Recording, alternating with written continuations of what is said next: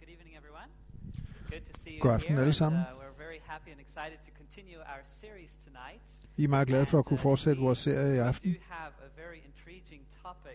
Vi har et meget spændende that emne at se på.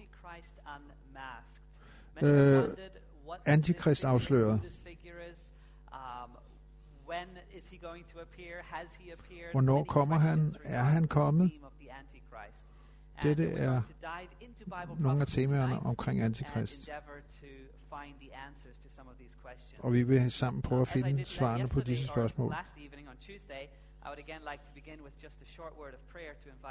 Og vi vil begynde med en um, kort bøn, inden vi begynder vores studium. Heavenly Father, we thank you that we can be here. We thank you for the privilege to open your word again. And we ask for your Holy Spirit to Vor guide himmelske far, vi takker dig for muligheden for at åbne dit ord igen sammen. Vi beder dig at velsigne os. Vi beder i Jesu navn. Amen. For dem af jer, der var her i tirsdags, the topic, a chaotic world, where is så vi på emnet And what we en did basically is kaotisk verden. a step back and look at the larger picture, the bigger picture of this great controversy that is being played out in the universe and in our world today. Men vi skal basically træde skridt tilbage og se på det store perspektiv og se på den store strid, der finder sted i universet. This enemy figure by the name of Lucifer, or also known as the devil Vi har øh, denne the fjendefigur Lucifer, in God's word in our last presentation, how this battle began in og vi så på, hvordan dette slag mellem Kristus og Lucifer begyndte i himlen. to be- He wanted to have the power of the creator. He wanted to Vi be så, hvordan like God. Lucifer ønskede at indtage the Guds plads. Han ville ikke have Guds karakter, men Guds magt. um, Og vi så, hvordan dette slag fandt sted i himlen, og at Luciferens engle blev kastet ud. Og dette emne vil berøre vores emne for i aften, nemlig Antikrist. We must first look at this power that was in heaven working against Christ. For at forstå det, må vi først se på denne magt, som virkede i himlen imod Kristus. Ordet antikrist kan vi dele i to. Anti og Krist. Anti betyder to forskellige ting. Enten betyder det i modstrid mod. Eller det And kan betyde i stedet for. Når vi taler øh, om antikrist, så tænker vi ofte på en eller anden, som er i modstrid med Kristus. Men vi skal ikke bare se på- Vi skal bare ikke, ikke bare se på en, der er i modstrid med Kristus, men en, der ønsker at træde i Kristi sted, ønsker at erstatte. Kristus. Det er selvfølgelig ikke muligt, men det er Antikrists øh, mål eller forsøg.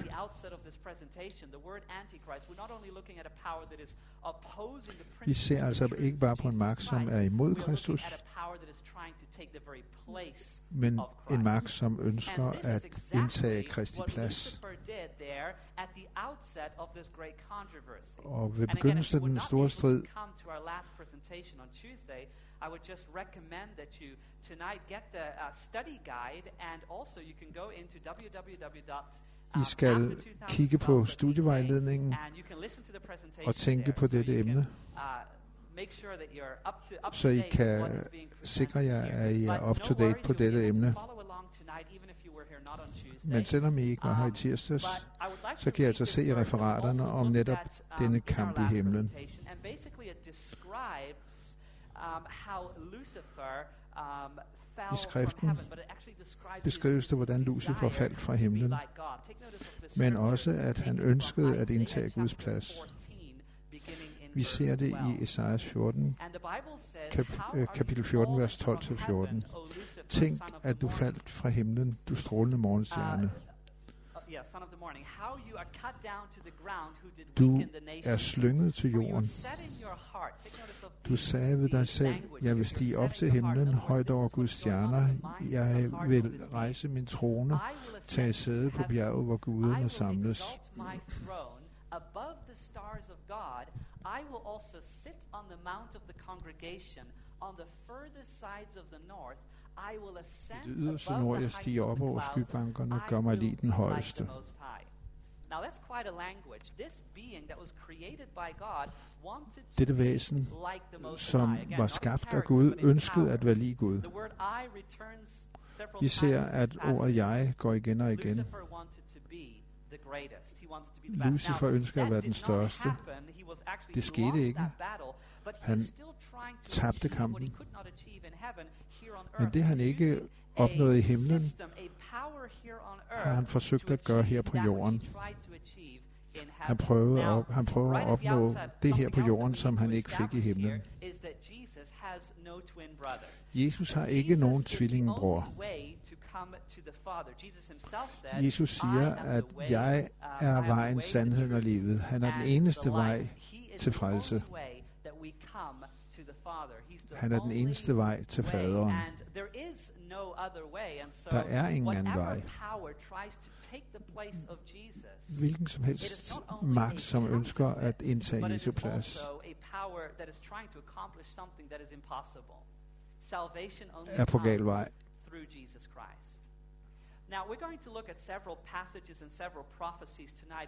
Vi skal se på flere bibeltekster her i aften. Um, uh, uh, perspective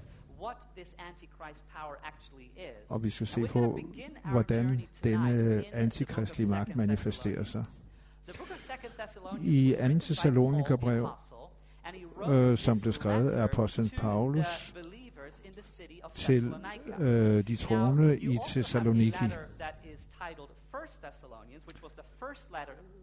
der er et andet brev, som hedder Første Thessalonikerbrev, øh, som var det første brev til menigheden, og her i anden Thessaloniker er det det andet brev til menigheden. Paulus sagde til menigheden, at Jesus ville komme igen. And the believers are so touched They are so on fire for the coming of Christ that they believe that he can come any moment. Og de troende er vældig optaget af den med Kristi genkomst og venter, at han kan komme når som helst. Men Jesus siger til dem, eller Paulus siger til dem, at før Jesus kommer, skal der ske noget. I, I beder jer brødre, siger han, når det gælder, så lader jeg ikke bringe ud af fatning eller skræmme, hverken af en profeti, eller et ord, eller af et brev, der skulle være fra os, om, at Herrens dag er lige forestående. Lad ingen på nogen måde forlede jer. Først skal nemlig frafaldet komme, og lovløshedens menneske åbenbares fortabelsens søn. So take notice of the language here. What Paul is basically saying is, det Paulus her siger, han siger, something must happen at ja, Jesus kommer, men før Jesus kommer, skal der ske nogle ting.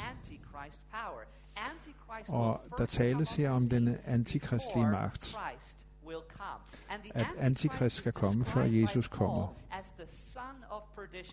Og han kaldes fortabelsens søn, denne antikrist. Hvem er denne fortabelsens søn? Hvad gør han? Paulus fortsætter og siger, modstanderen, der ophøjer sig over alt, hvad der hedder Gud og helligdom, så han sætter sig i Guds tempel og udgiver sig selv for at være Gud. Christ, it is very clear that this power that is being described by Paul here is not just a power that is opposing the things of Så vi ser her, at der ikke bare tale om en magt, som er imod Gud, i modstrid med Gud. Men han sætter sig i Guds tempel og udgiver sig selv for at være Gud. En magt, en person, som sætter sig selv i selve Guds sted. Fortabelsens søn. Vi finder kun udtrykket to gange i hele skriften. Og når vi går til det andet sted, hvor udtrykket fortabelsens søn findes, så ser vi, at det bruges også om Judas, person from the gospel story. He was one of the 12 disciples. Judas Iskariot var en af de 12 disciple. Det var den disciple, som forrådte Jesus. Det var ham, der overgav Jesus til øh, folkets ledere, så han kunne blive uh, korsfæstet.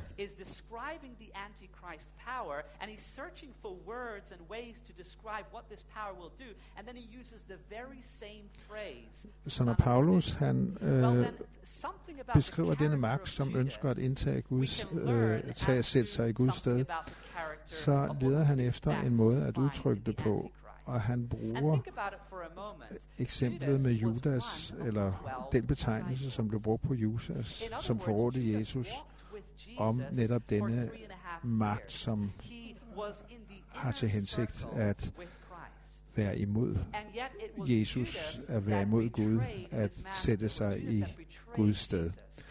Judas, han forrådte sin herre. Remember, he betrayed Jesus with a kiss on the cheek. Og vi husker, hvordan Judas forrådte sin herre. Ikke med en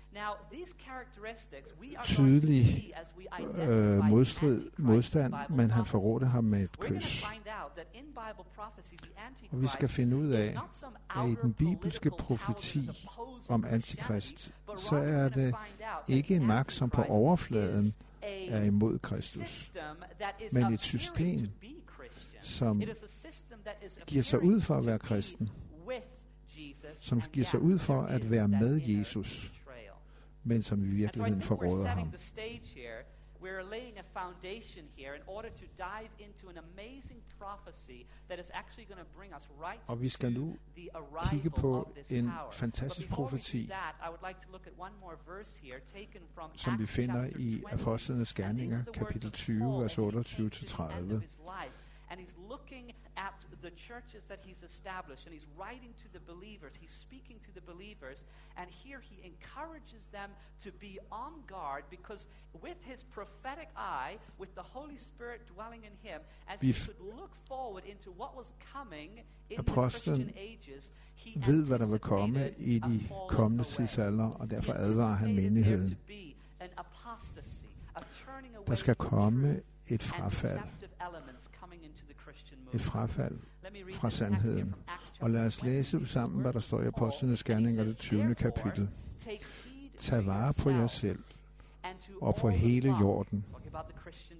Der tales om den kristne menighed her.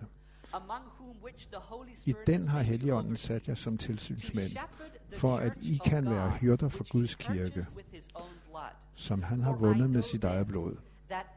Jeg ved, at når jeg er borte, vil der komme glupske ulve til jer, og de vil ikke skåne jorden.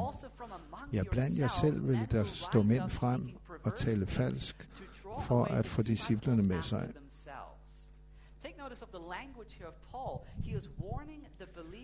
Paulus, han advarer de troende. Blandt jer selv vil der fremstå mænd, som skal tale falsk og vil lede de troende væk fra, fra Gud. Så vi har en advarsel her i Guds ord. En advarsel om, hvad vi kan vente os. Med det i tanke skal vi nu vende blikket mod en fantastisk profeti i Daniels bog. Vi skal uh, se på Daniel og åbenbaringens bog sammen, for det er to, vi kunne kalde det tvillingebøger, øh, som kører på de samme symboler og de samme øh, øh, billeder. Først skal vi se på en profeti i Daniels bog, og derefter skal vi gå lige over i åbenbaringens bog. Og vi skal se, at uh, disse profetier går hånd i hånd sammen.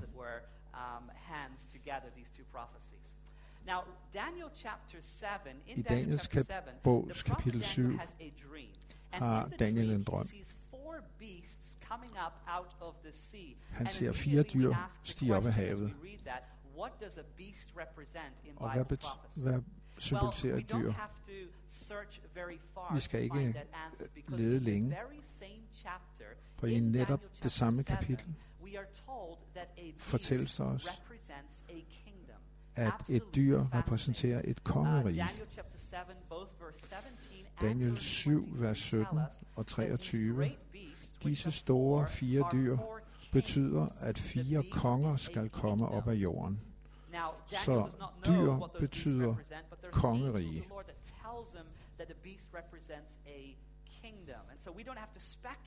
Så vi behøver ikke at spekulere på, hvad dyr symboliserer. Dyr symboliserer kongerige. Og det vi skal se,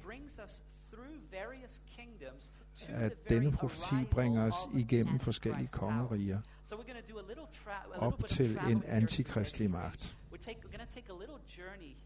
Lad os tage en lille rejse gennem disse forskellige riger, disse forskellige dyr, indtil vi kommer til antikristmagten. Det første dyr, der kommer op på scenen i Daniels bog 7. kapitel, er en løve med vinger. Den kommer op af vandet, og vandet eller havet er et symbol, symbol på folkeskare. Det finder vi i Johannes åbenbaring You can find it in Revelation 17.15. 7, Vande er folk 15. og skare, folkeslag og tungemål, står der i åbenbaringen So out 17.15.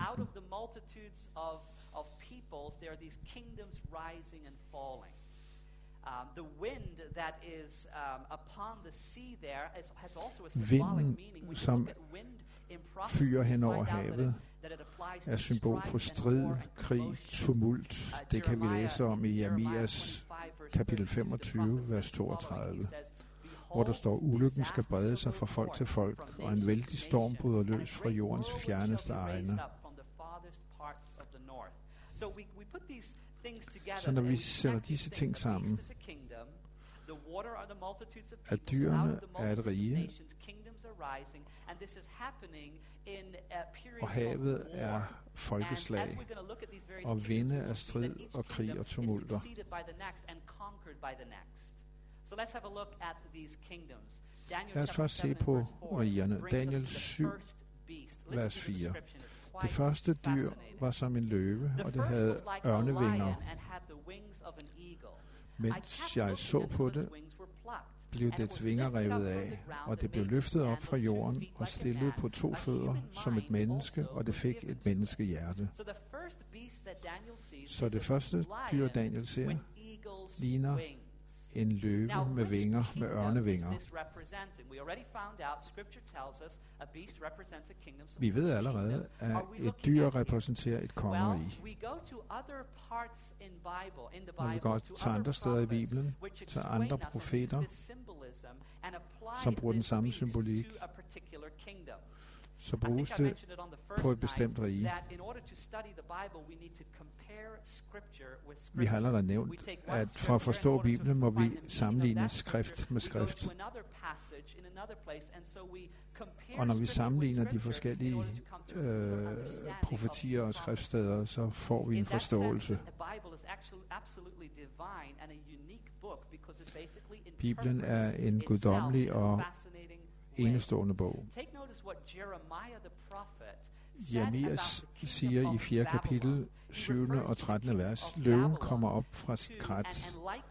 Folkedræberen bryder op, og hans uh, vogne er som virvelvinde. Hans heste er hurtigere end ørne. um, Han refererer til en konge, der kommer fra nord in the following way. Jeremiah chapter 4 på denne 7 måde. Verse 13. He says, "The lion has come up from his thicket, Løven kommer op fra sit krat. nations on his Folkedræberen bryder op. Hans And vogne his er som virvelvinde. Hans heste er hurtigere His end ørne. are swifter than eagles. You see here the symbolism used of both the lion and the eagle's wings. It is also interesting to note har her that symbolet både med løven og ørnevinger. um, when, when you go to the uh, to the um, uh, Når vi går til det sted, archaeologists hvor Babylon var bygget, remains of that city, og vi finder resterne af ruinerne af denne by, så finder vi ud af, at det nationale symbol for Babylon var, var ganske rigtigt en løve. Så Babylon med ørnevinger repræsenterer Babylon. I husker, at for et par dage siden, der så vi om en profeti om en billedstøtte i Daniels bogs andet kapitel. Og I kan huske, at det gyldne hoved og hovedet af guld, det symboliserede Babylon. Det symboliserede også Babylon. Så det princip, vi lægger mærke til her, så øh, der er et specielt princip i Bibelen, og det er, at der er øh, repetition og uddybning af tingene.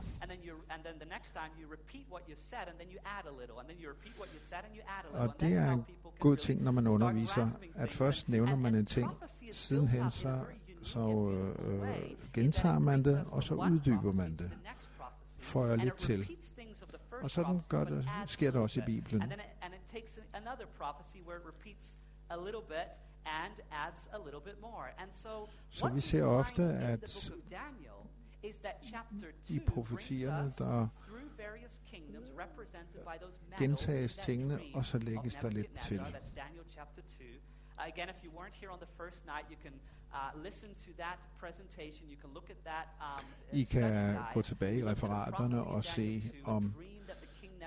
om profetien om billedstøtten i Daniels andet kapitel. Når vi går over til Daniels bogens syvende kapitel, så ser vi fire dyr, som også repræsenterer fire riger, ligesom vi havde talt om fire riger i Daniels bogs andet kapitel. Så, så det vi finder er, at rigerne eller kongerigerne gentages med nogle andre symboler. De samme riger, som er dele af billedstøtten i Daniel 2, symboliseres ved dyr i Daniels bogens til syvende kapitel. Og løven med ørnevinger repræsenterer øh, Babylon, som regerede fra 605 til 539 før Kristus. Men i Daniel 7 er løven med ørnevinger ikke det eneste dyr, vi ser. Lad os se på beskrivelsen af det næste dyr. Og det andet dyr lignede en bjørn. Det blev rejst halvt op, og i sit gab holdt det tre ribben mellem tænderne. Og så blev der sagt til det, rejs dig og æd meget kød. Så vi har altså et nummer to dyr, der stiger op af havet. Det ligner en bjørn, og det har tre ribben i sin mund. Men hvilket rige repræsenterer dette dyr? Når vi ser tilbage på historien, hvilket rige fulgte efter Babylon? Hvilken nation erobrede Babylon? Mederne og persernes rige er det rige, der fulgte efter det babyloniske rige. Og vi husker i billedstøtten, at efter hoved og guld var der arme og bryst af sølv. Og her har vi efter løven med ørnevinger, kommer bjørnen med ribbenene i, i gabet. prophetic image of Daniel chapter 2, and here in Daniel chapter 7, it is represented by a bear raised up on one side, three ribs in its mouth. Um, Bible scholars say that the reason why it was raised up on one side is that the Persians were stronger than the Medes. It was a united uh, empire. Bibelfortolkere har tænkt på, at hvorfor der står, at at øh, bjørnen rejser sig på den ene side, øh, er fordi perseriet var stærkere end meterriget, og øh, det, det samlede rige, øh, som bjørnen øh, øh, symboliserer, bestod egentlig af to riger, det, medo, det mediske og det persiske rige. Men så kommer der et tredje dyr i Daniel 7. Derefter så jeg endnu et dyr. Det så ud som en panter. Det havde fire fuglevinger på ryggen, og dyret havde fire hoveder, og det fik overdraget magt. Først havde vi en løve, så fik vi en bjørn, og nu har vi en panter eller en leopard.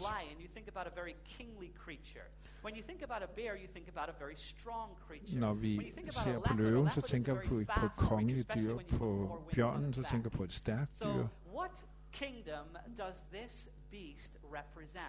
Uh, og når vi ser på leoparden, så tænker vi på et vældig hurtigt dyr.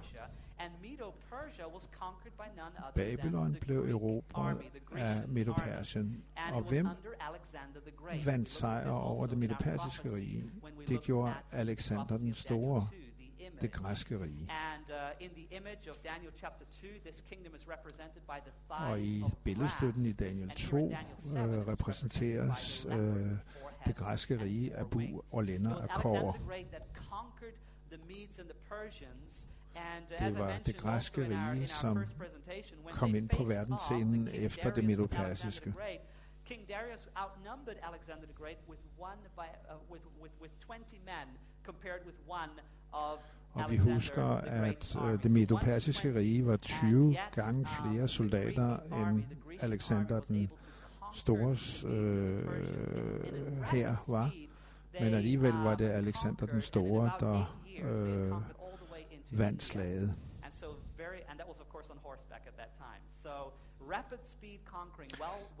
Så øh, hurtighed og effektivitet repræsenterede Alexander den Stores rige.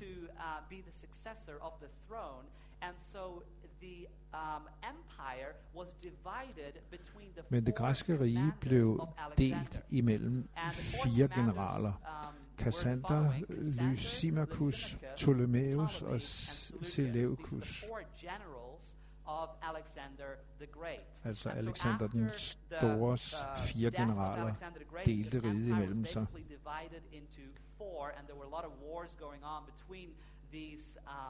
Og der var en del krige, som foregik imellem disse generaler. Og efter øh, det græske rige øh, var det det romerske rige, der kom ind på scenen. Og nu er vi i Daniels bogen 7. kapitel og det 7. vers. Derefter så jeg i nattesynet et fjerde dyr. Det var frygteligt, redselsvækkende og havde meget og meget stærkt. Det havde store jerntænder. Det åd og knuste alt og trådte det, der var tilbage, ned med fødderne. Det var forskelligt fra alle de andre dyr, og det havde ti horn. Så Bibelen fortæller os klart, at det dyr var anderledes. Det første var som en løve, den næste som en bjørn, den tredje som en panter eller leopard. Men det fjerde dyr ligner ikke noget, vi kender, noget dyr, vi kender. Det er et frygtindgydende dyr, som synder og knuser og, og søndertramper alt. Dette fjerde dyr repræsenterer Rom. Og vi husker det under det romerske imperium, at Jesus Kristus blev korsfæstet. I Daniel 2 har vi romeriet præsenteret ved benene af jern. Rom regerede fra 168 til 476 cirka, så det var en meget langt øh, herredømme. Og når vi kommer til Romeriets deling, øh, finder vi, at, at øh, Romeriet blev ikke erobret af et nyt rige, men det blev erobret af mange forskellige riger. Det blev delt.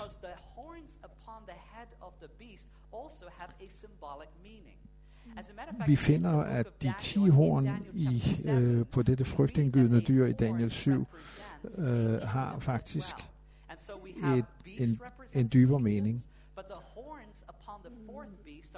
Men hornene, for hornene på det fjerde dyr repræsenterer riger. Og ud af det romerske rige, som blev delt, kom der mange forskellige riger. Øh, det romerske rige blev delt i øh, nogle af de riger, som øh, Europa bestod af.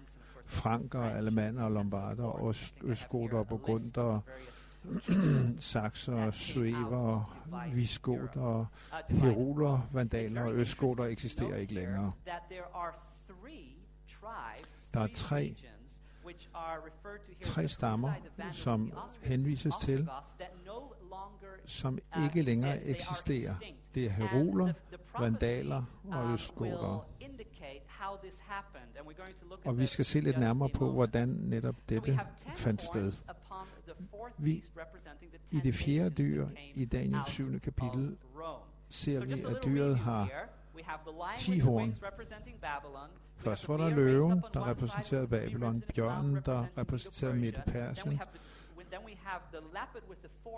så har vi leoparden eller panderen med de fire hoveder, der repræsenterer Grækenland. Og til sidst har vi det frygtindgydende dyr, der repræsenterer Rom.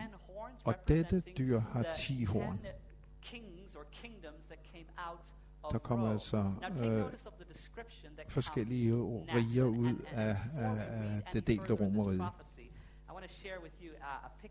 Jeg vil gerne vise jer et billede her yeah, last year, I think about half a year ago, I was uh, I had a speaking appointment in Germany. Um, jeg skulle for et halvt år siden, siden tale i Tyskland. And, uh, some friends took us into the inner city there uh, of, of, of the city of Nürnberg. Og jeg kom ind i centrum af Nürnberg, um, og jeg blev um, opmærksom på, at der var en retsbygning der i City i Nürnberg. Og der var nogle statuer. Og hvis vi kigger på billedet her på tavlen,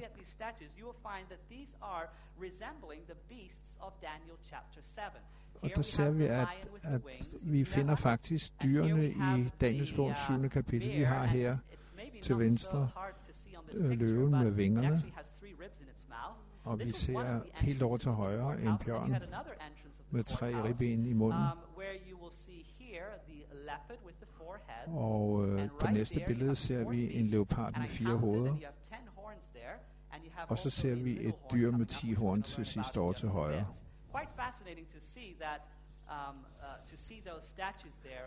Faktisk fascinerende at, at se disse statuer. Actually, they didn't find anyone that knew where it came from. Uh, but these are really coming from the Bible, from Daniel chapter 7. Og øh, uh, fascinating imagery. disse billeder kommer fra Daniels bog 7. kapitel. Men ud af disse ti horn, så dukkede der et lille horn op. Og spørgsmålet er, hvad repræsenterer det lille horn? Dette lille horn, der kommer frem, vokser op imellem de ti horn. Og det er netop denne antikristlige magt, som dukker op.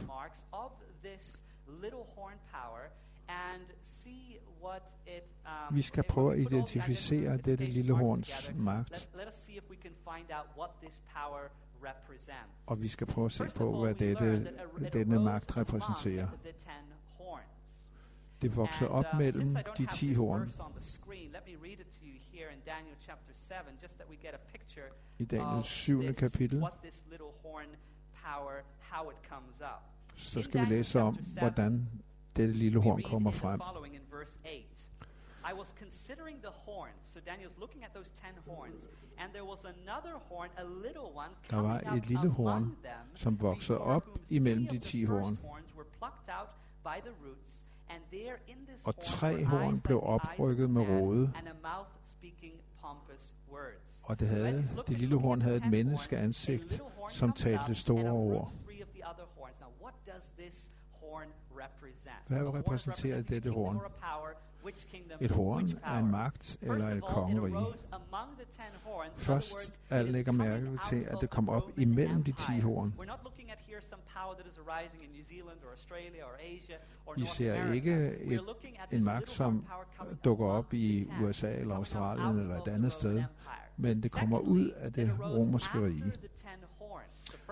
Og det kommer op efter de ti horn er kommet frem. Det vil sige efter romerigets fald.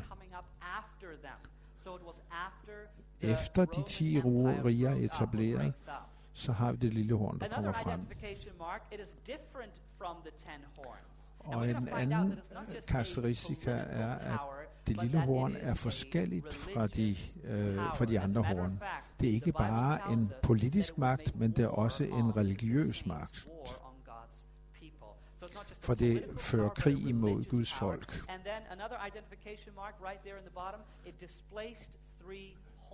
Og lad os huske på, at de lille horn, det overvandt eller erstattede tre andre horn. Um. Altså en magt, som opstår um, efter Romerrigets deling. Det var ikke bare en politisk magt, men det var også en religiøs magt. Og det var en magt, som rykkede tre riger op med rode. Og vi skal lede efter et, øh, en magt, som um, passer på alle de her øh, karakteristika. Øh, en universitets, en professor i historie ved Roms Universitet udtaler, at kejserens arvefølge efterfulgtes af pavernes arvefølge i Rom. Da Konstantin forlod Rom, gav han sit sæde til paven. When Constantine left Rome, he gave his seat to the pontiff. So what history is telling us is that after historien fortæller os, er, at efter at det værste i Rom sluttede,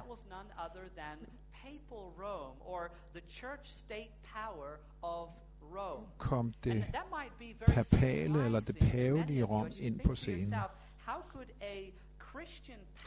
Hvordan kunne en kristen magt Hvordan kan en kristen magt i skriften blive karakteriseret som antikrist? And that is that as we identify this antichrist power, we are not seeking to accuse or assault Og lad mig gøre det helt klart, at vi prøver ikke på at anklage eller nedgøre nogen kristne. Der er ærligt gode, velmenende, søgende kristne i alle kirkesamfund.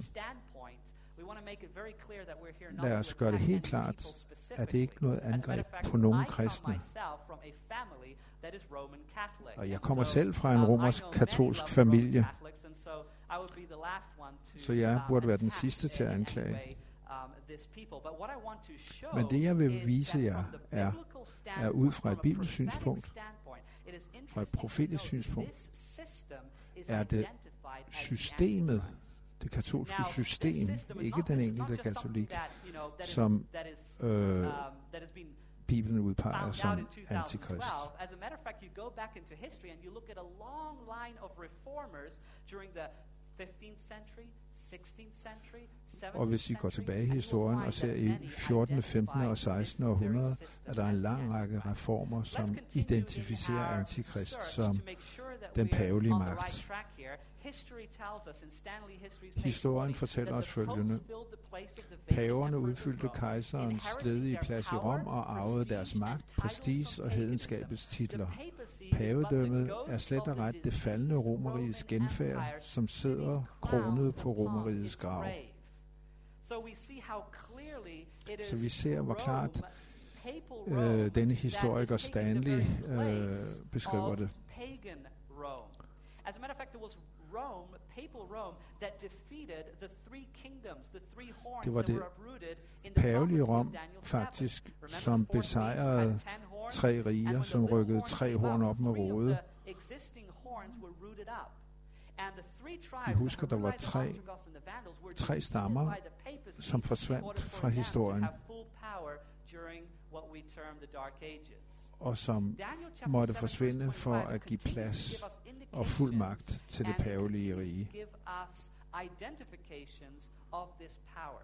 Men lad os se nærmere på identifikationen af denne magt.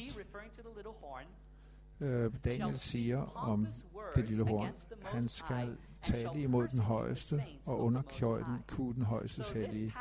Han trakter efter at ændre tider og lov. Og i åbenbaringsbogens 13. kapitel, vers 1 og 2, tales om den samme magt, uh, men med et lidt anderledes symbol. Og vi skal prøve at sammenligne lidt mellem Daniels bog og åbenbaringens bog. Det, Daniel 7 har fortalt os, Remember, we, we had how many beasts in Daniel 7? We had four beasts. er, at der var fire dyr. Vi havde Babylon, Medo-Persien, Grækenland og Rom. Og dette frygtindgydende dyr repræsenterede Rom, og ud af Rom kom der ti horn, og blandt de ti horn dukkede der et lille horn op, som gjorde det af med tre riger.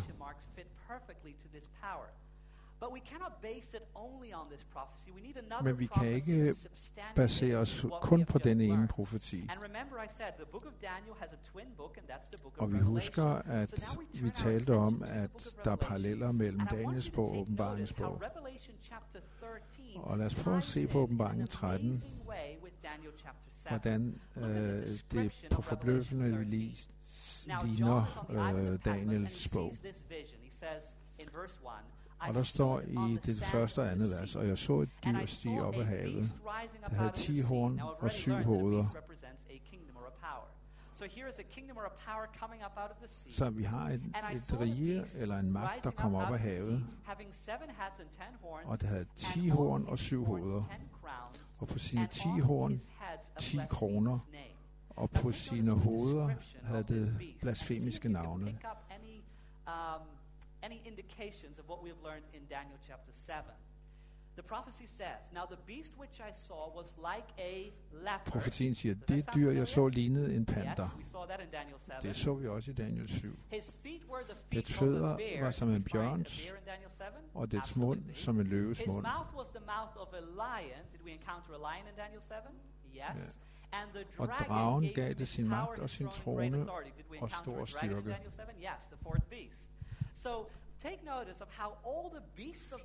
Vi lægger mærke til, hvordan alle dyrene i Daniel 7 bliver forenet i det her dyr i åbenbaringens bogens 13. kapitel. Og når vi studerer den tekst fra åbenbaringen 13, så ser vi, at det peger på det fuldstændig samme system, den selv samme magt, som der fokuseres på i Daniel 7. Så vi har princippet med gentagelse og uddybning. Vi havde fire riger, øh, repræsenteret ved hovedet af guld, arme og bryst af sølv, bu og lænder af kover og fødder eller og øh, ben af jern. Daniel 7, vi har fire dyr, løve, bjørn, leopard og frygtindgydende dyr. Og her i åbenbaringen 3, der har vi alle fire dyr samlet i, i et dyr, som har alle egenskaberne fra de tidligere riger. And so Revelation 13, this beast is a representation så dyret i åbenbaring 13 er en repræsentation af den antikristlige magt. Helt fascinerende. Lad os se, hvad vi kan lære uh, om dyret i åbenbaringen 13. The Bible tells us that the dragon gave him Dragen gav det sin magt og sin trone og stor styrke. The dragon in Daniel chapter 4 was representing which kingdom again? It was representing Rome, right? And so it received its seat of authority from pagan Rome. We've already established det modtog sin magtposition fra det pavelige Rom, fra det hedenske Rom. Og vi husker, der stod kage, kejserens arvefølge efterfulgtes af pavernes arvefølge i Rom. Da Konstantin forlod Rom, gav han sit sæde til paven. Så da Konstantin overførte sit hovedsæde fra Rom til Konstantinopel, så kronede han paven, og han fik både værtslig og religiøs magt. You read in the book of Acts about the story of the early believers. When Jesus I apostlenes gerninger i Bibelen læser vi om de første troende. De havde en masse modstand. Og den modstand de mødte var det fra det værtslige Rom. You will find out that pagan Rome became even more for, forceful in opposing the Christian movement.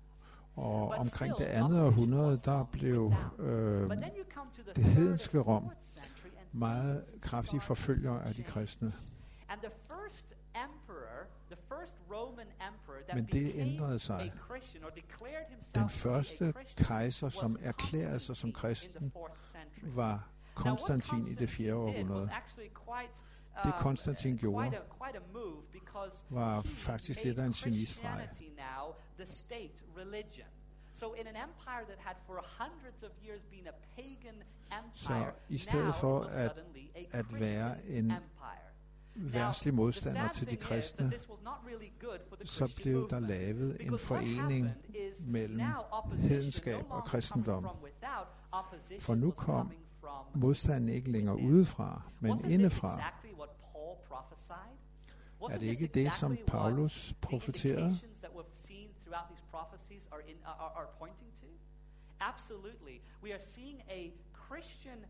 Vi ser en kristen magt, basically taking the, the place of Christ, but opposing the very things som faktisk giver sig ud, ud for at være kristen, men i virkeligheden fører krig imod de kristne. Og i mange hundrede år would, would, would absolutely um, uh, not only make war on, on, on God's Kom people when it came to spiritual things, but they would physically burn Kirken them. i Rom physically, uh, ikke bare til at føre åndelig krig imod sine modstandere, um, uh, give in to the various men den forfulgte dem, som ikke rettede sig efter dens tro og lære. Bibelen fortæller os i åbenbaringen 13, uh, at denne um, magt blev givet magt til at føre krig imod de hellige og besejre dem. Så det um, ville blive en forfølgende magt. Dem, som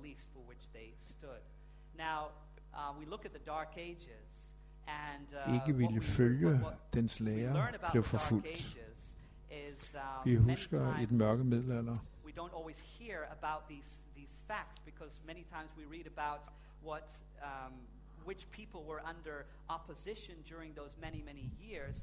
But when you look a little bit beyond the surface, you'll find out that there were reasons for these people to be under the um, authority of Rome. And one of those reasons was because many of them did not want to, for example, participate in the Mass, or many they were translating the scriptures without the authority of Rome. mange af dem, som blev forfulgt, var folk, som ikke ville deltage i messen, eller dem, som selv oversatte Bibelen. De fik ikke lov til at læse Bibelen for kirken. This was giving rise to Protestantism, which was protesting og vi husker jo også, hvordan det gik, at netop alle bibeloversættelserne gav jo øh, liv til protestantismen. Der er endnu en profeti i skriften. I åbenbaringen 13.5 at dette dyr fik givet en mund, der talte store, bespottelige ord. Og det fik givet magt i 42 måneder. Encapsulate in prophecy because remember that in the book of Revelation we're dealing with symbolic language. Vi taler her om symbolsk sprog. Og i Bibelens profeti er en prof- profetisk dag lige med et bogstaveligt år. Det tales om i Ezekiel 4. kapitel og 6. vers og 4. Mosebog 14. kapitel og 34. vers.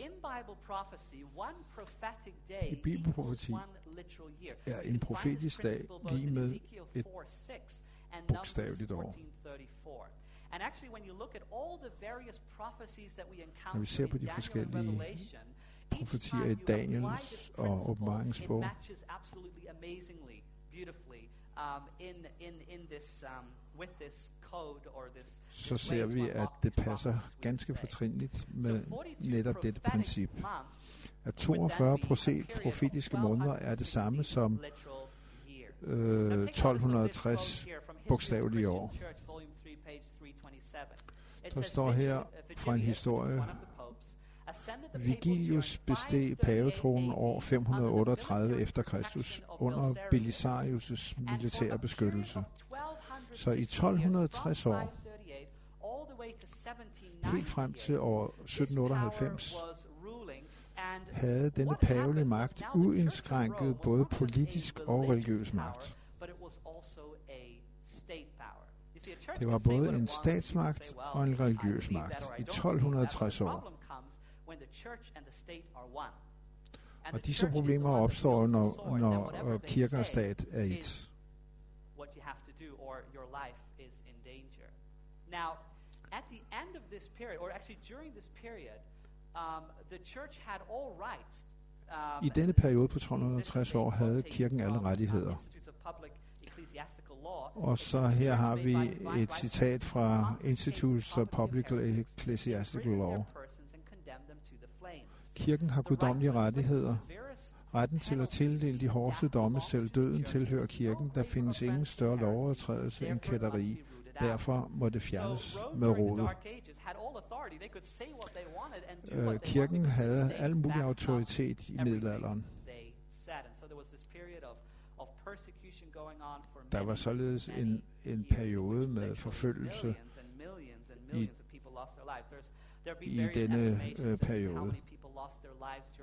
these dark ages when um, Rome ruled uh, or papal Rome ruled, but estimations have been between 50 and 100 million people losing their lives. Man regner med, at 15,5 millioner mennesker har mistet livet i, i um, middelalder, eller i denne periode i disse 1260 år.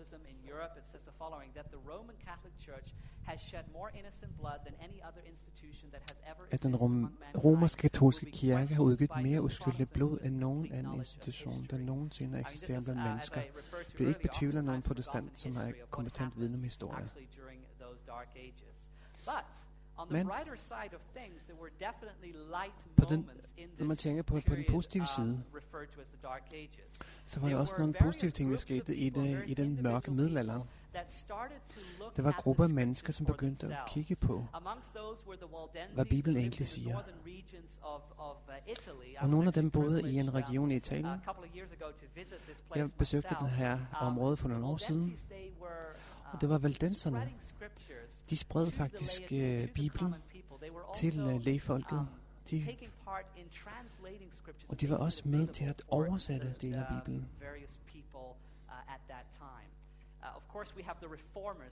Vi har selvfølgelig også mange af reformerne, som stillede sig op, og de uh, gik imod de forskellige lærer, de falske lærer, som Romerkirken havde.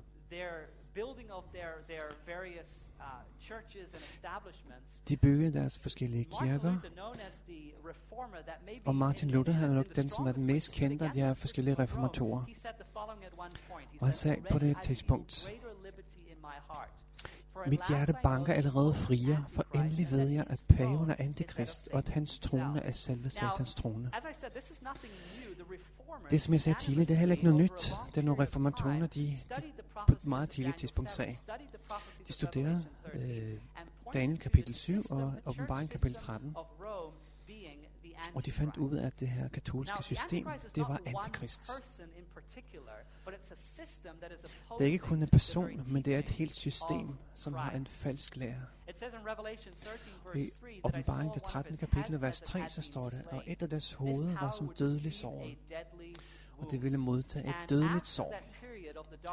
Og efter den periode i det mørke middelalder, når det nærmer sig 1798, læg mærke til så, hvad der skete.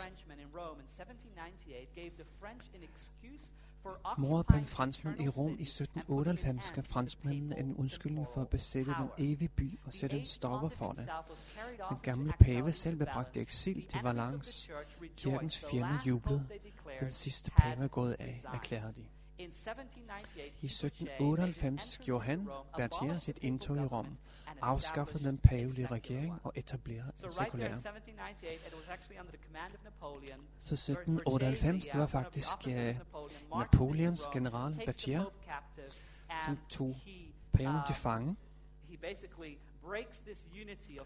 Og han bryder hele den her enhed af kirke og stat, som havde været i al den tid, Romerkirken havde været i magt. Og Bibelen siger også, og det sår skulle blive lægt. Det banesår skulle blive lægt. Og når vi kigger på den uh, nye historie, så kan vi se, hvordan det romerske system er begyndt at dukke op på scenen igen som en, en, en vigtig magtfaktor. Det har taget fra en avis i uh, San Francisco Chronicle den 11. februar 1921. Og der står der, hvad det romerske emne angår, der blev berørt i aften, så var det noget, der hørte fortiden til. I det underskriften blev føjet til mindeskrifter kendetegner, at såret blev helet, blev der udvist stor hjertelighed fra begge sider. Og de talte om det her med, at de gerne ville have Romerkirken tilbage på scenen. Og i den senere tid kan vi også se det, at Romekirken den er ved at spille en vigtig rolle igen rundt omkring i verden. I kan måske huske, hvornår den sidste pave han, han døde. Så var det mange store statsoverhoveder, som var til stede ved hans begravelse. Så vi kan se, at den her magt, den er virkelig begyndt at tale igen i den seneste tid. Og det står den bange 13, at hele verden fulgte undren efter dyret så er det hele verden, der bliver påvirket af det her. Og i det femte vers i åbenbaring 13, så står det, det blev givet, og det fik givet en mund, der talte store bespotlige ord. Og hvis vi går tilbage til evangelien, så kan vi finde ud af, hvad det betyder at tale bespotlige ord. Og da Jesus gik på jorden, så havde der magten til at tilgive synd. Og der var nogen, der sagde det, at han faktisk talte bespottelige ord, fordi at han selv tog magten til at tilgive synder. Og der står der, da Jesus så deres tro, siger han til den lamme, søn, dine synder tilgivet. Men der sad også nogle af de skriftkloge, og de tænkte i deres hjerte, hvad er det dog, han siger? Hvem spotter Gud? Hvem kan tilgive synder andre end en, nemlig Gud? Som kristne så tror vi, at øh, Jesus virkelig havde magten til at tilgive synder.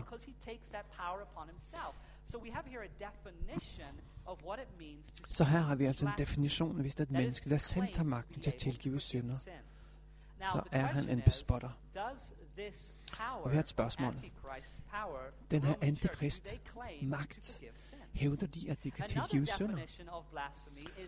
Og en anden definition på blasfemi eller på bespottelse, det kan vi også finde tilbage i evangelierne. Det står i Johannes 10, kapitel 31 og 33. Og der er der, at Jesus er i samtale med jøderne faktisk hævder, at han selv er Gud. Og er der samlet sten op for at stene ham? Jøderne svarer, men det er ikke for nogen god gerning, vi vil stene dig, men for bespottelse, fordi du, der er et menneske, gør dig selv til Gud. Så definition nummer et, at man kan tilgive synder. Og nummer to, at man giver sig ud for at være Gud. Lad os se, om det her også virker på pavemagten. Det står, Søg, hvor du vil i himmel og jord, og du vil kunne finde et skabt væsen, som kan tilgive synder. Og det står i et skrift, der hedder The Catholic Priest. Det der ekstraordinære væsen er præsten, den katolske præst. Så den her magt, det vil sige, kan I huske, hvad antikrist det betyder? Det kan, uh, betyder også at være i stedet for. Så altså i stedet for Kristus. Så Jesus Kristus sagde, jeg er den eneste vej. Jeg er vejen, sandheden og livet. Og her er det den katolske præst, der kommer og siger, at han stiller sig i, i, i som en mellemmand mellem os og Gud. Og det her findes også fra katolske kilder, det der står her. Det står, hvis forløseren steg ned i en kirke og satte sig en skriftestol for at tildele bordsakrament, og en præst satte sig en lignende skriftestol, det vil Jesus sige, ego til absolvo. Præsten vil ligeledes sige over hver angernes hoved, ego til absolvo, og begge angere vil ligeligt modtage syndsforladelse.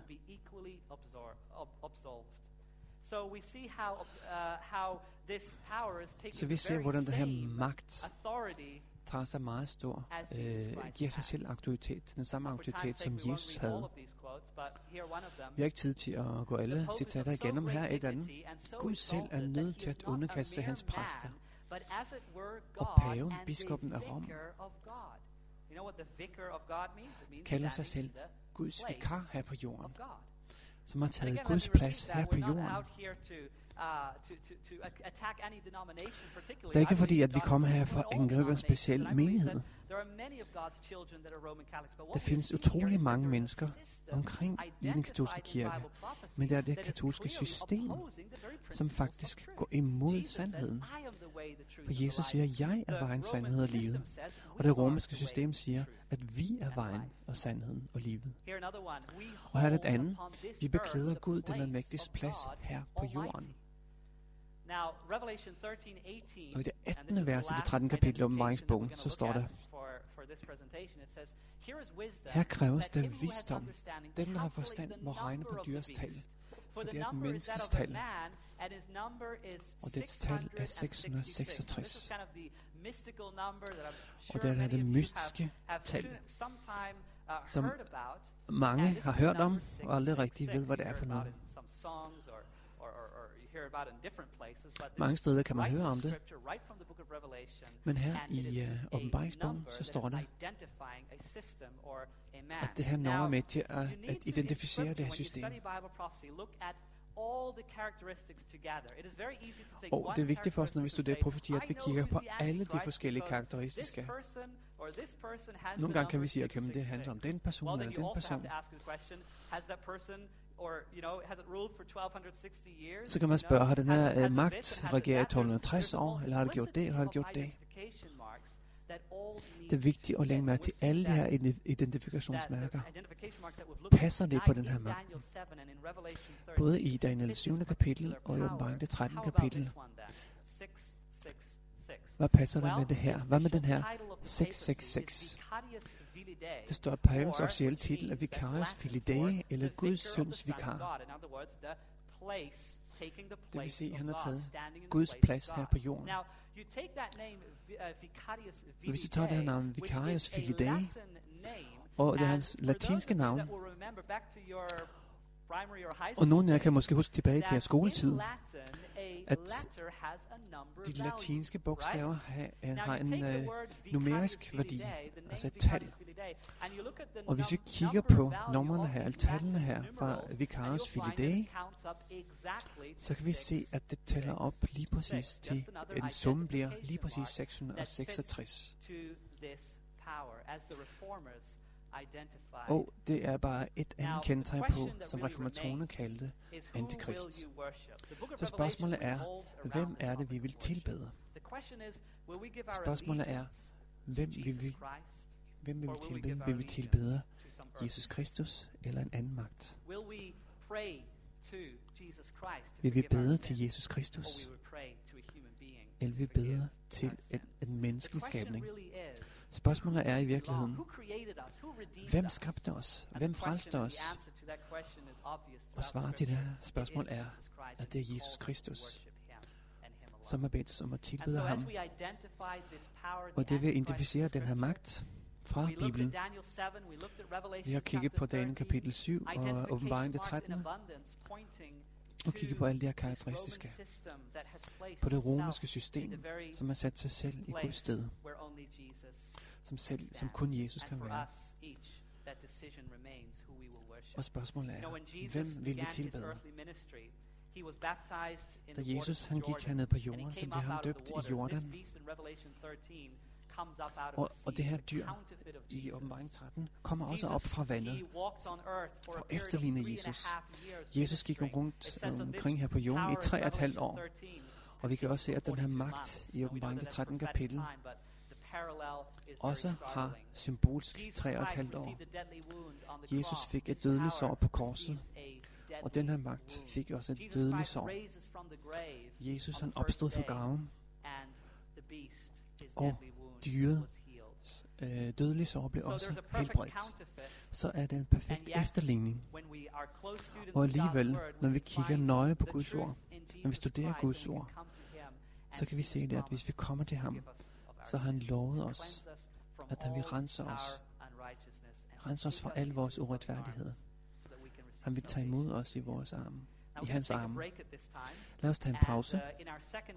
Og i vores anden præsentation, så kommer vi til at kigge på, hvad den her magt har gjort i historien. Og vi kommer også til at kigge på en, en anden profeti i kapitel 14, som også er virkelig en øjenåbner og en enorm velsignelse, som er gemt i den profeti. Og titlen for den næste præsentation efter pausen er Det største religiøse bedrag. Vi tager 10 minutters pause, og så fortsætter vi.